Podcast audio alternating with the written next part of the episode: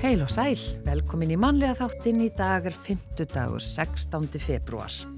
Já, við ætlum að rifja upp hvað við gerst á þessum degi, til dæmis ég er stórfrétt. Nú? Já, 1899 knasputnufélag Reykjavíkur var stofnað. Já. Já. Það er nefnilega það. Já. Hæstiréttur Íslands kom saman í fyrsta sinn 1920 Og 2011 flutningaskipið Goðafoss strandaði við ytri kvaler þjóðgarðinum eh, skamt undan Fredrikstad við Noregstrendur. Já, og uh, það er ímislegt framöndan í þættunum okkar í dag. Já, við ætlum að byrja á því að forvitnast um fjölskyldu sameiningar Rauðakrossins. Fjölskyldu sammenningar eru eitt elsta og mikilvægasta verkefni Rauðakrossins en félagið hefur synt þeim í 150 ár og þetta verkefni aðstóðar einstaklinga sem hafa orðið viðskila við fjölskyldu sína eða fjölskyldu meðlimi við að finnast og saminast á ný. Net alþjóðasambands Rauðakrossins getur hjálpa til við leitina í öllum löndum heims og hann Alli Viðar Torstensen, eh, sviðstjóri alþjóðasviðs Rauðakrossins, verður hjá okkur hér eftir nokkra mínútur og ætlar að fræða okkur bara um þetta mikilvæga verkefni. Söngvakeppnin hefst á lögataskvöldi þar sem fimm fyrstu keppendutnir spreita sig á sviðinu og svo eru það tvö lög sem komast áfram úr því svona upp úr þeim riðli og svo tvö önnur lögadaginn 25. februar og úrslitin verða síðan 4. mars. Þetta er nú alltaf uh, svona mikil tilbreyting meðan vetur að fá þessa söngvakeppni, Eurovision fórkeppnina hingað uh, í sjómarpið. Og Rúnar Freyr Gíslansson, hann er framkvæmdastjóri þessa alls og hann kemur hér til okkar á eftir og segir okkur nánar frá. Já, svo ætlum við að ringja uh, í Ívar Örd Sverrisson, leikara, dansara og leikstjóra. Hann fluttist til Noregs fyrir tæpum 13 árum á þess að vita hvað hann ætlaði sér að gera þar. Hann ákvað þó strax að þráttur að kunni ekki að tala norsku, að reyna fyrir sér í heimi leiklistar og, og síninga og svona til að gera langasögustutta uh, eftir fullta verkefnum með viðkomu í Grænlandi. Þá er hans nýjasta verkefni að leikstýra óperu í Portugal.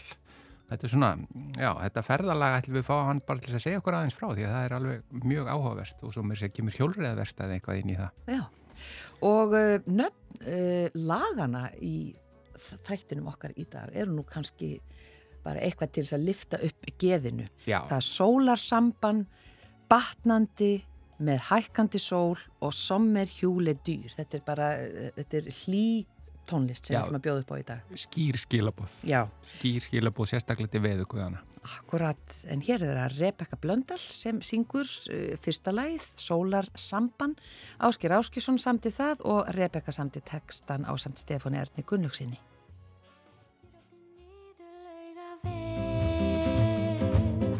Örlitli fætur tifa með Samtími samliða við svíum Í takt við sólaljósin söngu Í dag Þú dillar dansar með í blíðunni. Skundar Við gerum okkur glaðan dag. Í letri sveiblu áfram fer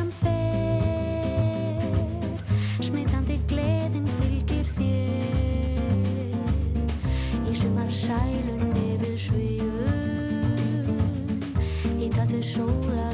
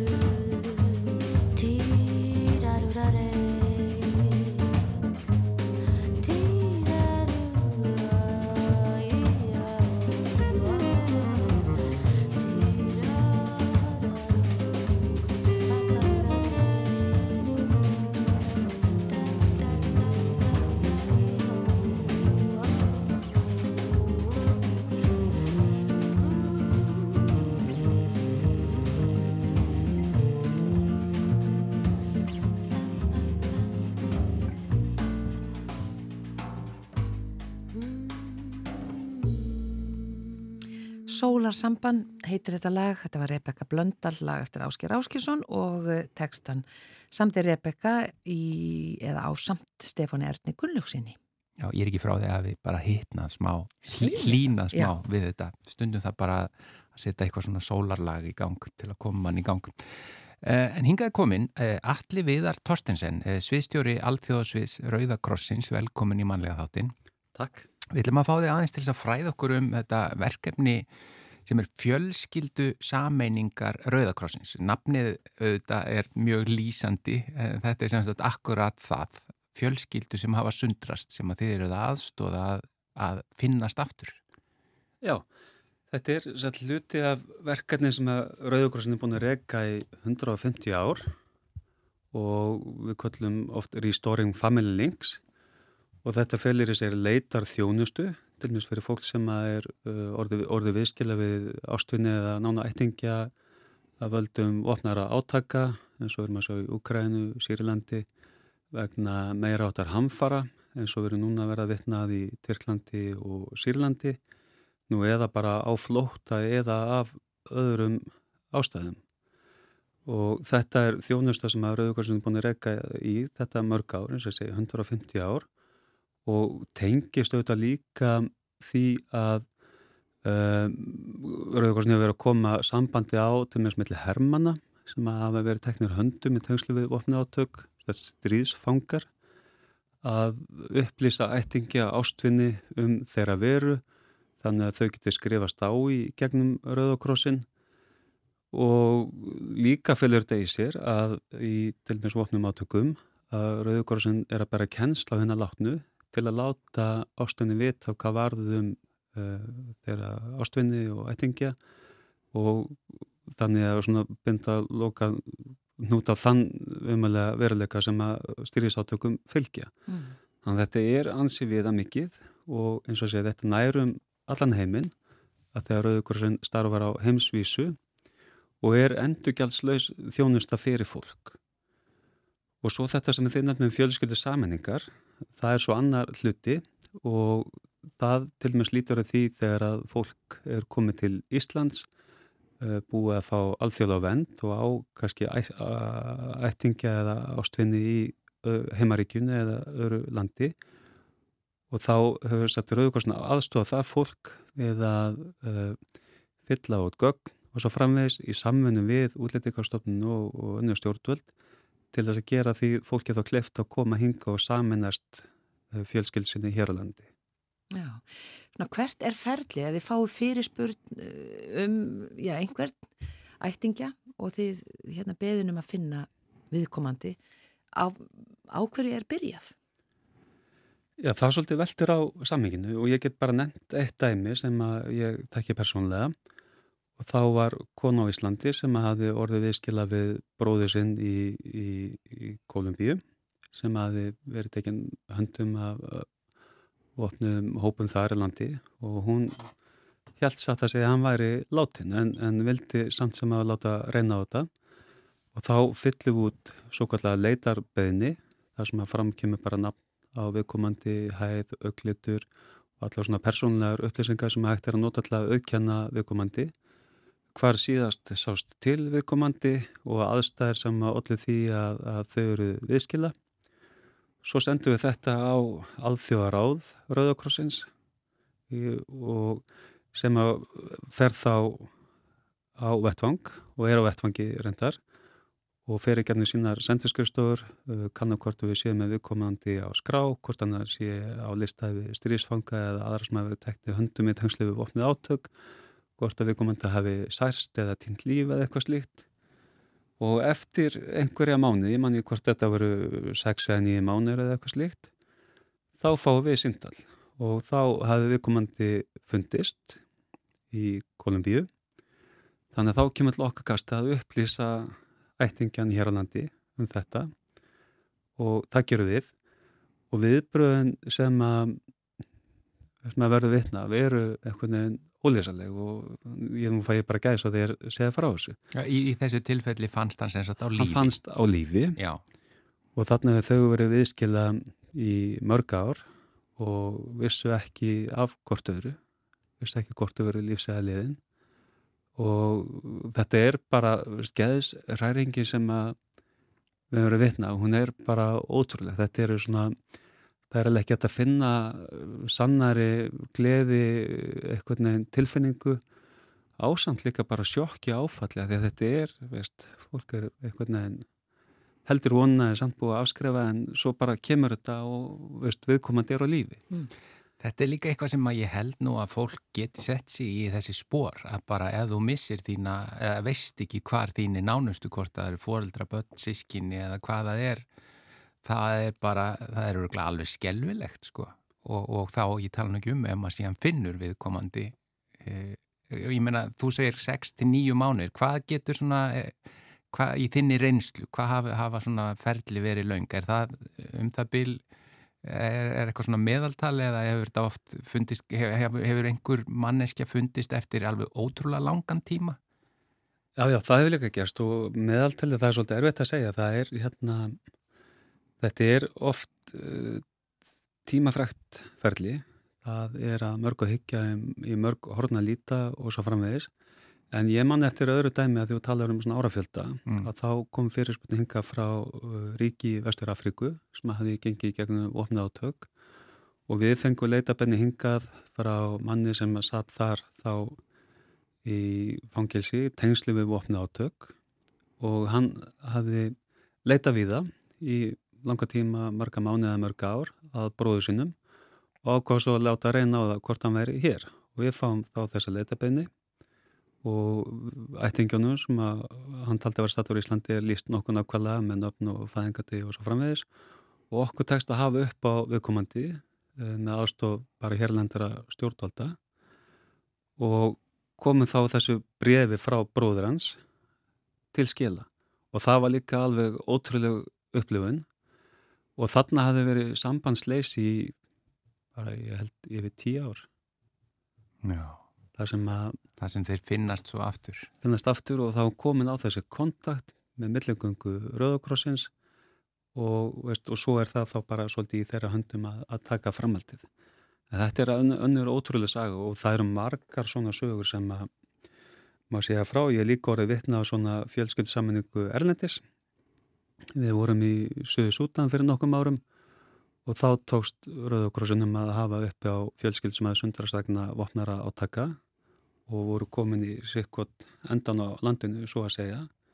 En Rauðkorsin er með mjög þjætt nett og skipilatt starf, þannig að þar tókst að hafa uppi á uh, börnum og maka og þau var svo flóið og þau fengur saminast og öðrum staði söðu sútan og þetta er bara veist, önnur tilfinning sem ekki hægt að lýsa með orðum en hérna bara þvílik geðsarhæring og, og gleði og, og, og grátur og bara allt. Lítur að vera gefandi þegar svona gengur upp? Það er það og það er satt að segja mjög gefandi að því að þetta er oft ferli sem oft líkur ekki svona. Þess það eru Já. margar árangurslausar letabennir eða árangunir ekki komin í ljós en svo þegar að svona gerist þá er, er það svo ofsalega gleðilegt og þegar að fjölskyldur ná að saminast aftur. Og þetta er, er þetta ekki rétt að þetta þið segið, þið eruð í öllum heimsveinslöndum, það er bókstaflega þannig? Já, Rauðukrossin er alheimsreyfing, við erum Já. starfandi í öllum löndum með heldur 14 miljónir sjálfbóðlega sem að bera starfuð okkur uppi allstaðar, koma þessum verkefnum eins og öðrum og starfsfólk og mjög svona bara skipulagt og flott starf sem er með að nýtast núna í, á hamfararsvæðanum í Tyrklandi og Sýrlandi. Og þar eru þetta fjölmarka leitabeinir að koma fram og fleiri munum koma fram á komandi við koma mánuðum. Og veist, það mun komandi kastaður okkur að einhverju leitaminnstukosti að reyna að hafa upp á örlegum ættingja og, og upplýsa um það í þessu, þessum umörlega atbyrði. Já, þannig að það eru svona verkefni bara næstu mánuða og jætnvel ára. Já, það verður það. En þetta er eins og sko stríðsástand og svo náttúruhamfarir. En hafið þið fengið fyrirspurni frá Íslendingum um uh, týnda uh, fjölskyldumæðlimi Erlendis eða eitthvað slíkt? Já, við hefum gert það.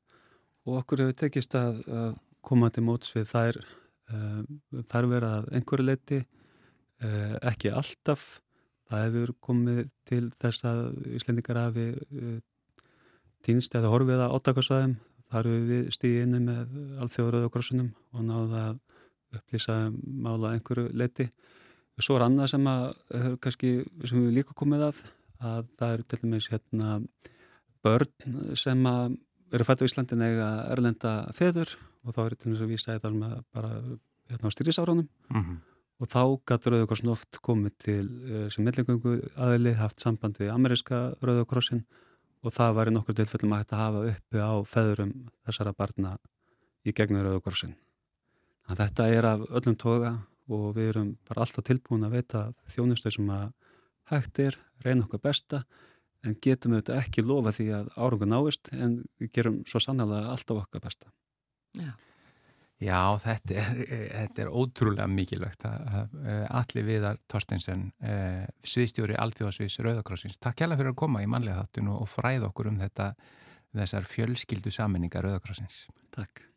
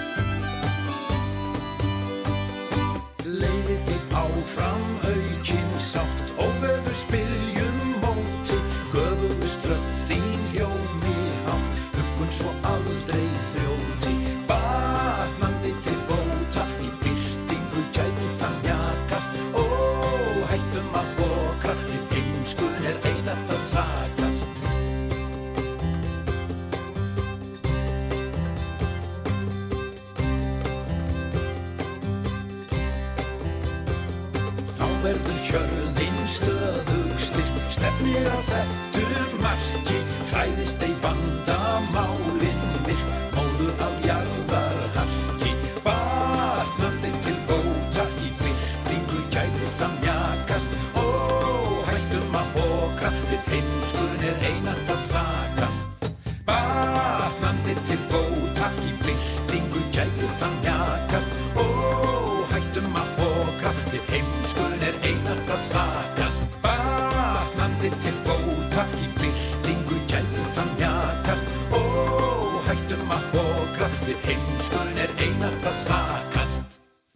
Þetta lag heitir Batnandi eftir Egil Ólafsson og textin líka og hann flutti þetta sjálfur. Þetta er af plötu sem heitir Vetur, kom út 2012 og uh, það er finnsk-íslenska vetrarbandalagi sem flytur. Það eru Egil Ólafsson, Matti Kalljó, uh, Matti Leitinen og Þórildur Örvars uh, syngur líka á þessari plötu.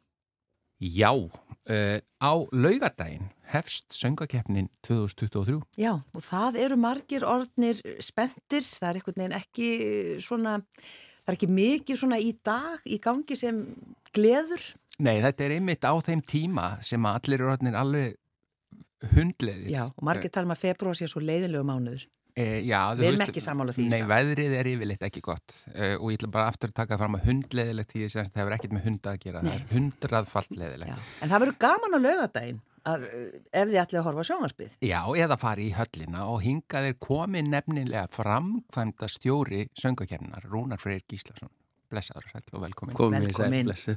Þetta Gaman að vera hérna. Já, þú hefur bara, við rétt náðum að grípa þig inn í stúdíó því þú ert bara leiðinni upp í höll og eitthvað. Já, nú er allt að verða vitlaust. Já. Þetta er náttúrulega rosalega stort verkefni, örglega stærsta sem við gerum allavega hérna á Rúf og með stærri viðburðum á landinu og er alltaf að njóta meira og meira vinsælda sem Petur fer og, og hérna þjóðin flikkist á bakvið þetta bæði á skjánum og svo líka bara er þetta orðið svona árlegu viðburður hjá fjölskyldufólki að koma upp yttir og, og vera á staðinum og Já. fá keppnina bara beint í æð. Það er mikil upplifun nefnilega. Já, þetta er nefnilega, maður heyri það frá fólki sem að kemur í fyrsta skipti að þetta sé að verði árlegt hér eftir sko. Hvað er búið að vera lengi upp í gufunissi?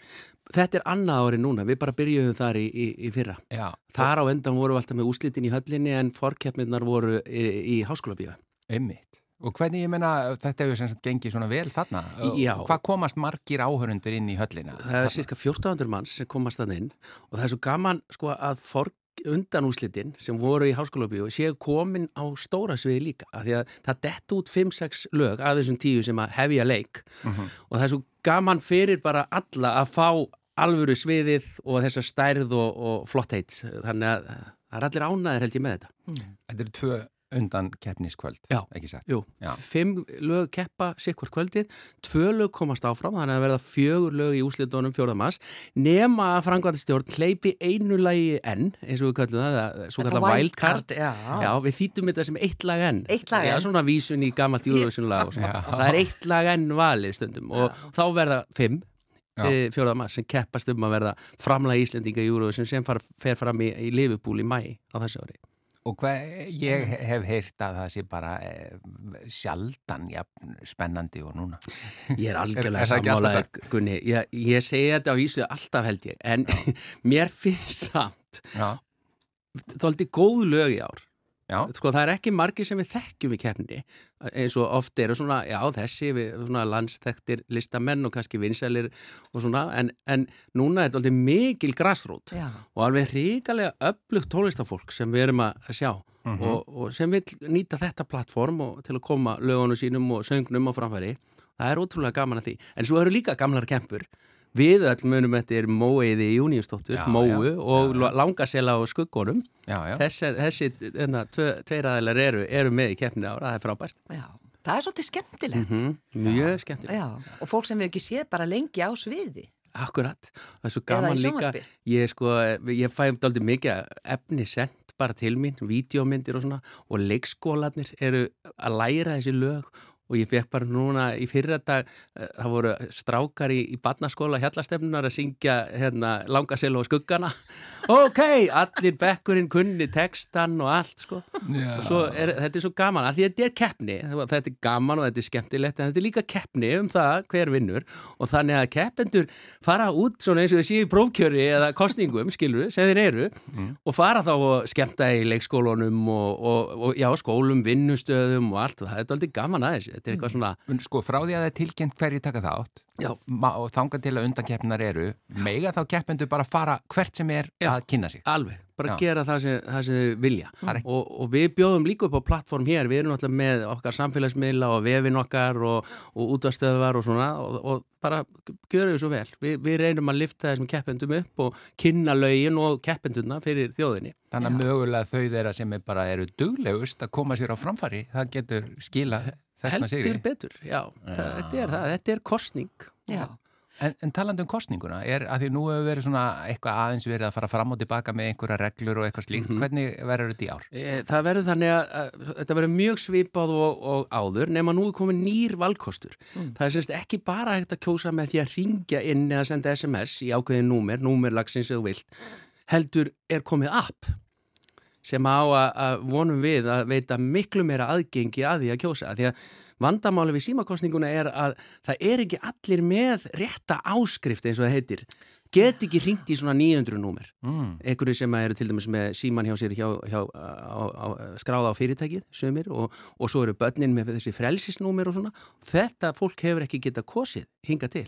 En núna geta allir náð sér í appið Rúf Stjörnur heitir það, tekið þátt í alls konar leikjum og skoða keppindu betur og, og svo kosið á kvöldinu sjálfu þannig að það ætti engin að geta ekki kosið í ár Og má kjósa endalust? Nei, það er, það er hámark á það, það er 20 atkvæði sem er hámarkið, það má ekki fara yfir það, það má ekki svona, nei, Nei, við viljum ekki- heldur ekki, eh, ekki að sé hægt að kaupa uh, úslitin. Akkur fær maður ekki að kjósa 20 sinnum í alþingiskostningu? Nákvæmlega.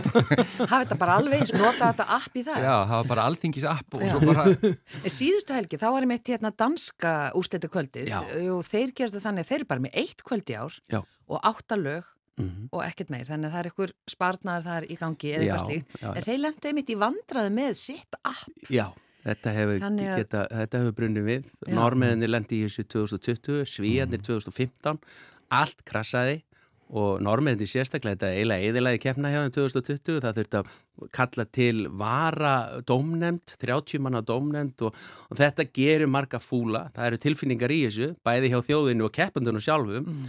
Og þetta getur alveg farið, en við erum þá alltaf með símakostninguna, við erum svona, við teljum okkur vera frekar vel treyð og, og appið þetta sem við erum með er, hefur aldrei klikkað hingað til 7.9.13. Já, 7.9.13. En, en býtu það er samt dómnefndi, það ekki líka? Jú, það er í úslitónum, Já. í fyrri umferð í úslitónum þegar öll fimmlögin keppa, Já. þá er svo kvölduð alþjóðlega dómnefnd sem hefur 50% vægi á við símakostningu almennings. Ah. Svo þegar að komist, uh, þegar, að- þegar tvö efstu lögin þar í þeirri kostningu komast áfram með þetta svo kallega einví, þá eru bara símakostning sem gildir þá. Það var bara áhörður. Já, en atkvæðin úr fyrirkostningunni það kvöld fylgja læginu uh, í einvíð, fattiði. Þannig Já, að það verður klárlega stiga hæsta lag kvöldsins sem sigrar. Já. Mm Þetta er mjög Já, já. spennandi. Og það er færingur sem vann í Danmörku. Já, Já. og það er, sko, það er einmitt fengu grænlendingar og færiðingar að kjósa líka. Já. Það hefur kannski haft ykkur áhrif.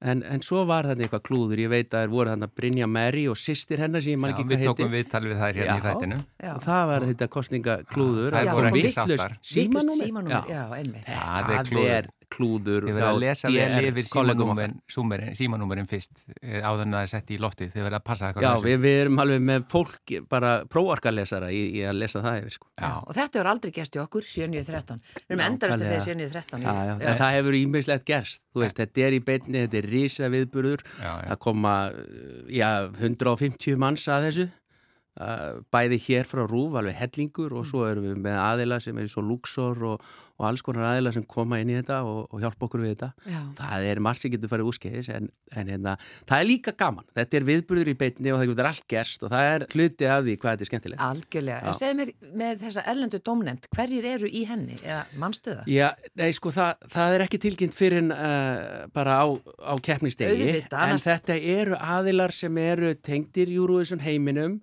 tengdir tónlist uh, bæði íslenskir og erlendir Fagfólk. Fagfólk, já, nákvæmlega Já, Mm. Já, Þetta er en sko, spennandi. svo hafa alltaf verið einhver svona skemmtiatrið og jafnvel einhver erlend stór númer. Já. Er eitthvað slíkt? Já, heldur betur. Sko við sjáum þetta alltaf eiginlega sem tvo hluta. Við horfum á söngvakeppna sem söngvakeppnina sjálfa sem Já. við tökum mjög alvarlega og, og þar er allt tipp-topp og, og gaman. En svo erum við líka að hugsa um þetta sem skemmti kvöld fyrir Íslendinga. Mhm. Og þar bregðum við á leik, kinnarnir gerir eitthvað skemmtilegt, við erum með skemmtiðadriði og einslög og við fáum erlendar stórstjörnur til landsins. Nú koma norsku úlfarnir sem að uh, gerða allt vittlust hér í fyrra hérna sem sagt Íslendingar kusuða í umvörpum í í fyrra sem var haldið, haldið út í Torino en, en svo erum við líka með eins og Friðrik Dór, hann opnar hátíðina núna á lögadaginn Raka Gísla opnar á, á lögadaginn þar á eftir og við erum með sýstur sem að unni í fyrra, þær koma á loka kvöldið og svo framvegis og framvegis. En þessir úlvar hann að norsku, tókuðu þeir einhvern tíman af sér grímun og síndu hverju þeir væru? já, þeir Nú, gerðu í það með pompi og prakt núna fyrsta februar þegar að normenn völdu við sitt framleg, þá tókuðu þeir af grímuna og, og sunguð þar nýtt lag sem heitir hérna, vestgeimda lindamál í heiminum á, á íslensku. Og, og hérna, það var að því að eiginlega allir normenn vissu hverjir þetta voru. Þannig að þetta var kannski ekkert svo óvænt Það kom ekkert á óvart. þjóðina. Ég, ætla, ég spurði að þessu að því ég held bara, já, ok, þetta gæti bara verið einhver Íslendinga með grímur Já, og við myndum ekkert vita betur. Já, maður sér ekki eins og hvort þessi að mæma með því það sést ekki alveg munurhæfingan. Nei, nei, nákvæmlega. Já, þetta var skemmtilegt. Þetta Já. verður stuð. Já, heldur betur. Að þetta- Vorið að koma, byrja Já. að byrta, tóku þetta eitthvað bjart í morgun? Já, Ha, Þetta er að gerast. Já, nú fyrir maður bara að raka sig og fara úr úlpunni og horfa á söngakeppnina og hafa gaman. Já, Ég minni á, við fáum alltaf Elinu hérna Björg uh, veðurfræðing á þriðu dögum, Mhm. sko, veturinn er ekkert búinn, þú veist, það er februarskilið. en við gleðumst yfir góðu dögunum. Já, við gleðumst yfir Þetta góðu er eiginlega, maður er ofta spáð í, nú er þetta búið, en það klikkar aldrei, það kemur alltaf einn, tveir í lokin, alveg. Páskarretið þetta. Páskarretið, fræga. Já, Rúnar Freyr Gíslason, framkvæmdastjóri söngakeppnunar, takk fyrir að segja okkur frá þessu við bara fylgjumst með og Já. kjósum og kjósum og, og, og bara og bara, já, og gangi öllum vel á lögadaginn. Takk fyrir og sömulegis. Og við endum auðvitað á því að heyra sýsturnar sem voru okkar framlagi í fyrra með hækkandi sól.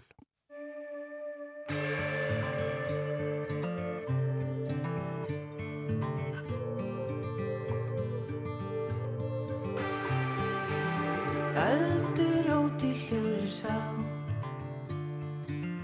Þrautin þungum vagn sorgar sárum Þrá sem lagar, brennur sem bá Liggur í leini, leindar mann Þeir, þeir Ljósar skiptum þær að sjá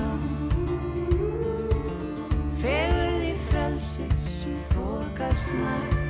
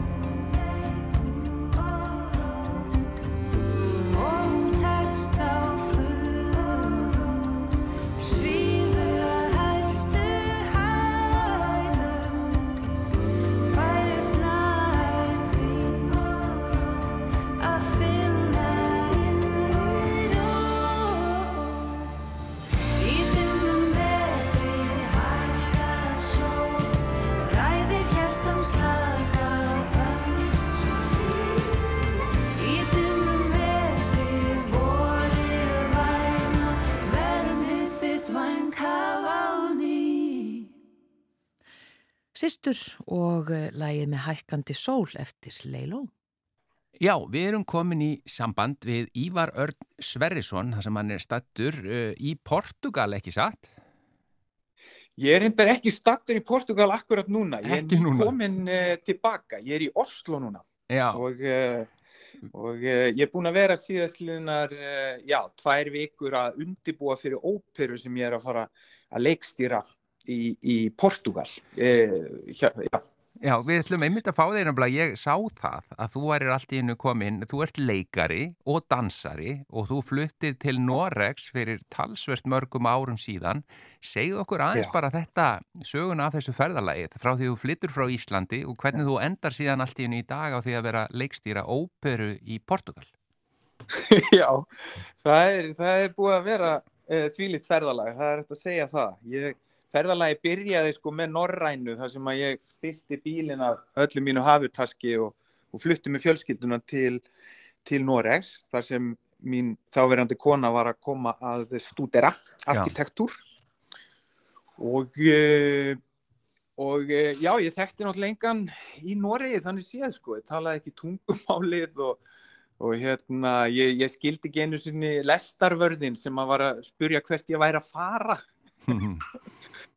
og hérna, þannig að þetta var svona, já, þetta var svona svolítið eins og að byrja bara upp á nýtt. Ég, ég vissi í rauninni ekkit hvort að ég myndi ver, ver, verða áfram leikari og, og hérna, þannig að þetta var svona, já, maður byrjaði að vinna á kaffihúsum og svona og hérna, bara að finna sér eitthvað á og svo var ég náttúrulega, en ég ákvað strax frá fyrsta degi að ég ætla að reyna að komast inn í eitthvað hérna, Já.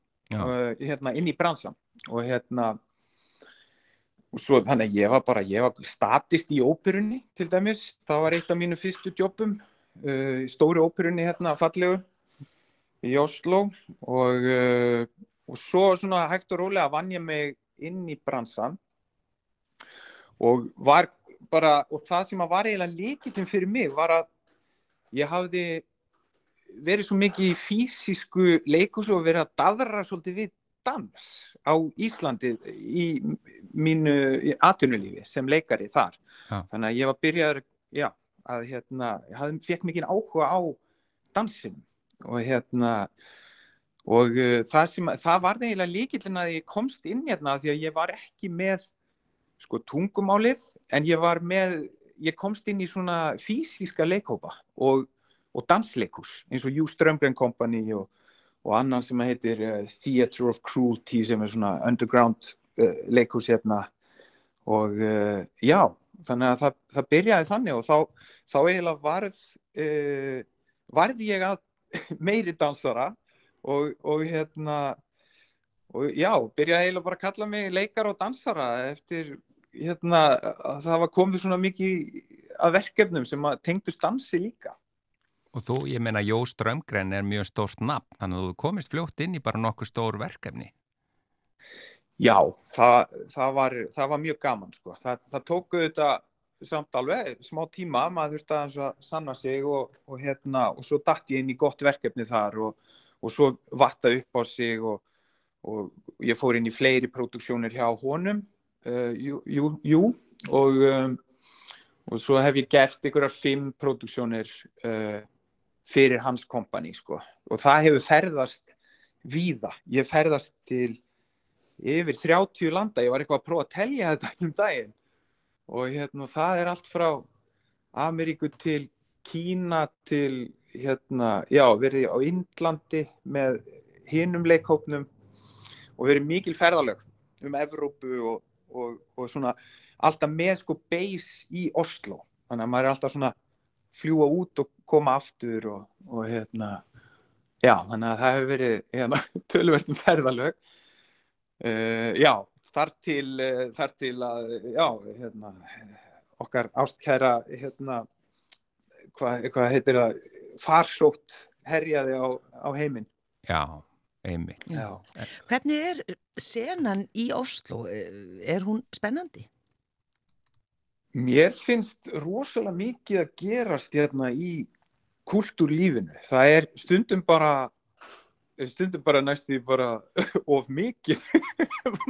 Það er erfitt að velja stundum hvað maður ætlar að fara að gera en, en það, er, það er mjög mikið og mikið að gestasýningum sem koma hérna frá öðrum löndum. Þeir eru með dansens hús. Þeir setja tölverst af oljupenningunum í þennan kultúr sem betur fer og hérna og rétti á það sem ég á heima er, er til dæmis dansens hús sem er bara tilengað dansi í Noregi og, og gestasýningum frá öðrum löndum. Þannig að það, þú getur bara farið í hverju viku og, og séð einhvern nýjan danshóp uh, sína til dæmis. Mm. Og svo, já. En sko, ef við, ef við förum síðan yfir í þetta sem að þú ert að gera núna, það er að segja í Portugal að leikstýra óperu, hver er, ég, þú sagði að þú hefði verið byrjað sem auka leikari í óperu í Noregi, pappiðin eru þetta frægusöngari Sverri Guðjónsson og, og, og, og hérna, en ég, hver eru þín tengsl síðan og hvernig endar sem leikstjóri í Portugal? Já, Já þetta er sko, sko líf um, um, frílansarans Mm. uh, er náttúrulega, eh, ég hef verið í rauninni frílanser í, sko áður en ég, já, í 20 ár í rauninni, Mm núna. Og frá því að ég, ef ég tel frá því að ég útskrifast og auðvitað um að fengi einhverja lengri samninga inn á milli í, í e, förstu leikhúsunum til dæmis, stopnununum og svona, -hmm. en þetta hefur aldrei verið eitthvað svona örugt líf, skilur e eða þú veist, atvinnulega séð, þú ert alltaf, þú veist, að leita næsta jobbi, það er, það er mikið hark og, og hérna, og þannig að stundu það maður líka bara finna, finna upp á verkefnum sjálfur Mhm. og, og ég hef náttúrulega sko, meiri sé að, já, ég var byrjaður aðeins að daðra við að á Íslandi áðurinn ég flutti út, þá, þá þá pródúseraði ég Othello parkour, þar sem ég blandaði parkour og Shakespeare og, og uh, capoeira og eitthvað svona sem var svona fysisk Shakespeare síning. Þannig að, og svo hér úti þá sett ég upp Don Quixote á spænsku sem að ég ætlaði að reyna að selja til skólana sem svona uh, fyrir spænsku kennsluna til að gera hana svona skemmtilegri sko. Að hérna, þannig að ég, ég var svona byrjaður aðeins og svo, svo fekk ég verkefni á Grænlandi að, uh, að leikstýra nýju leikriti í Katwak sem að er menningarhúsið þeirra í, í Núk og það var svona fyrsta sko leikstjórnaverkefni þar sem ég er ekki allt í öllu þar sem að ég er bara þú veist, mér er bóðið inn sem leikstjóri og það er bara verkefni mitt þú veist, ég er ekki líka pródús pródúsera og markasetja og Bara Ráðinn ráðinn, fólk. ráðinn leikstjóri. Já, og þannig að það var alveg bara, það fannst mér æðislega gaman, en það var þarna rétt fyrir korona, sko, en þá, þá var ég byrjaður að, og það leikrið tók ég mér sér til tjarnabíó og við síndum það mér sér þar, Já, en það var svona fysiskt. Og þá er ég farin að leika mér að nota það sem að er búið að vera að það sem ég er búin að vera að vinna með síðastliðin 20 ár sem er í rauninni þessi, þessi, þessi físík, dans og, og klassíst leikhús. Og hérna og það var einhvern veginn þannig að uh, þau, bara, þau bara fundu mig uh, og höfðu bara samband við mig og höfðu leitað einhverja ráða veist, og, og þau vildu fá einhvern sem að gæti sett upp fysíska óperu. Sem sagt, og hérna þau eru svona þessi hópur er mjög svona hvað segir maður, þau, þau vilja prófa nýja hluti með óperuformið og vantaði þá einhvern sem að er búin að er þar, er, Mhm. er tilbúin að prófa nýja hluti og getur kannski komið með eitthvað nýtt inn í, inn í þennan heim sko. þannig að hérna ég, ég, já, ég er bara rosalega gladur með að hafa fengið þetta verkefni af því að þetta er, já, þetta er bara, ég fæ að prófa nýja hluti og, og hérna og þetta er frábær hópur, þetta er stór hópur, miklu stærri en ég bjóst við og eru þau, að að fara, eru þau að fara að dansa eða gera parkour eða eitthvað á meðan þau höfðu að syngja óperuna? ég, ég var einmitt að nota þessar tvær vikur núna til að bara kynnast hópnum og, og hvað þau í rauninni eru fær til þess að gera og hvað þau geta lært og, og var að prófa svona ímsar æfingar og hérna testa físikina hjá þeim Hvar er þetta í Portugal og, og hvenar er frumsýning? Þetta er uh, í ágústu frumsýningin og þetta er rétt fyrir utan Porto. Þannig að hérna, hópurinn er eiginlega based í, í Porto en við erum að setja þetta upp í litlu sjávarþorpi í, hérna, sem heitir Esposende. Já, Og hérna, þar verður, þetta verður úti ópera. Allavega í byrjun, sko. Og síðan uh, munum verða hönnu þannig að hún getur líka farið inn í inni á, á klassísk svið og, og þannig hún, hún á að vera svolítið svona flexible amaba. Ívar, núna ertu, ert að tala við okkur, þá ertu stattur á hjólreiðaverkstæði. Hvernig, hvernig stendur á því? já, já það, það var þannig að eh, hérna, þegar korona kom að stríða okkur þá, þá náttúrulega voru öll verkefni blásin út af borðinu hjá mér, öll, all, allar ferðir og ferðalög og mikil óvissa. Þannig að hérna, ég var, já, ég var eiginlega svona, ég, mér langaði bara að finna upp á einhverju sem að ég gæti bara gert og gæti verið atvinna, atvinna mín Já. og hérna og það einhvern veginn þá rampaði ég á það að byrja að gera við hjól fyrir nágrannana.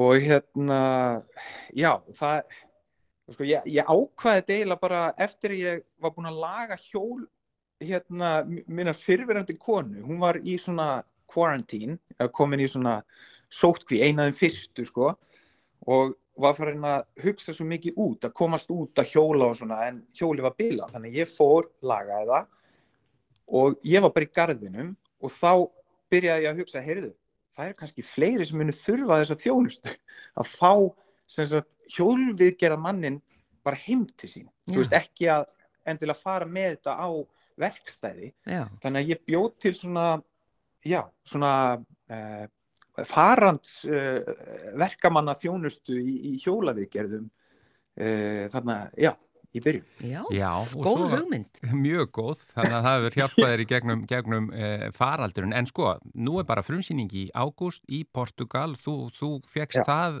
starf út frá eh, leikstjórnaverkefni í Grænlandi. Þannig að við fylgjumst bara spennt með hvar þú fer næst. Það geti verið Asia eða eitthvað svo leiðis miða við þetta ferðalag. aldrei að vita, aldrei að vita Já. við höldum, höldum þessu hjólunum gangandi Já, á Þú heldur hjólunum gangandi alveg öruglega allan að reyðhjólunum.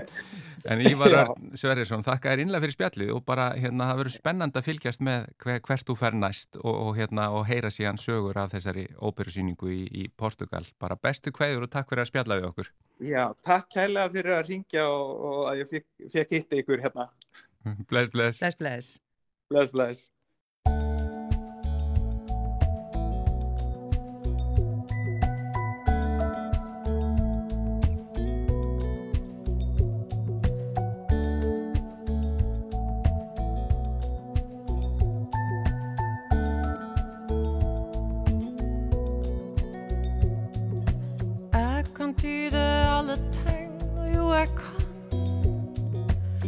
Dine tegn gjennom lys og jord.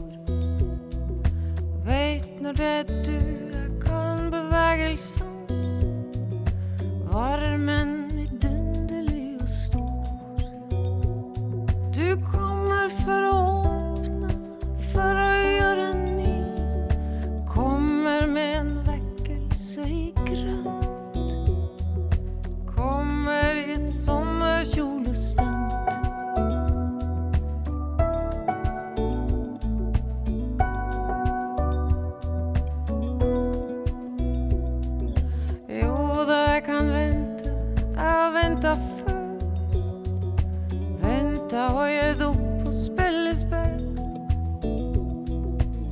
som setter meg kortene samme hva jeg gjør.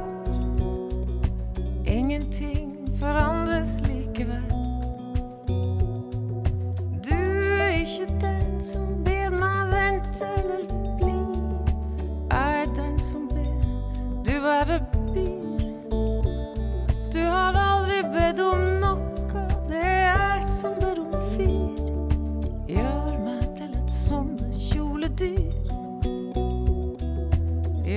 wanted to let someone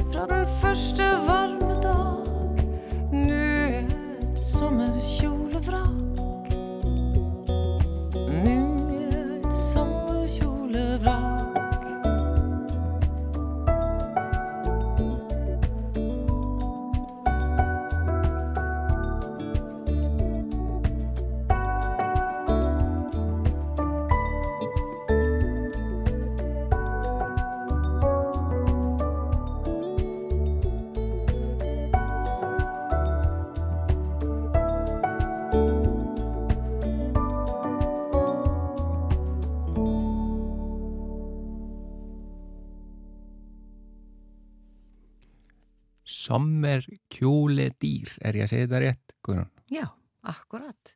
Kari Bremnes, er það, þýðir það dýr sumarkjóll eða er það sumarkjóla dýr? Þetta er svona uh, sumardýra kjóll. Já, ég er ekki alveg viss hvað það þýðir. Nei. Nei, En Kari Bremnes, hún er, hún er norsk. já, Og uh, síðasta lagið okkar í dag, við verum hér aftur á morgun, þá er föstudagur og við erum með ekki föstudagsgest, heldur gesti. já, og þau eru Feðgin, Já. það er Hilmar Oddsson og Hera Hilmarsdóttir. Það er þessi hérna kvikmynd á ferð með mömmu sem að var svona uh, hátíðar forsýning í gær og svo fer hún í almenna sýningar núna bara á næstunni. Já, og svo er það matarspjallið og það er náttúrulega bolludagur og sprengidagur framöndan, þannig að við ætlum að ræða um bollur og sprengidaginn. Já, sal, salkitt og bönir. Já, með Sigurlegu Margriti. Já. En þetta er með bara lokið í dag. Við þakkum innlega fyrir samfélgina. Verðið sæl.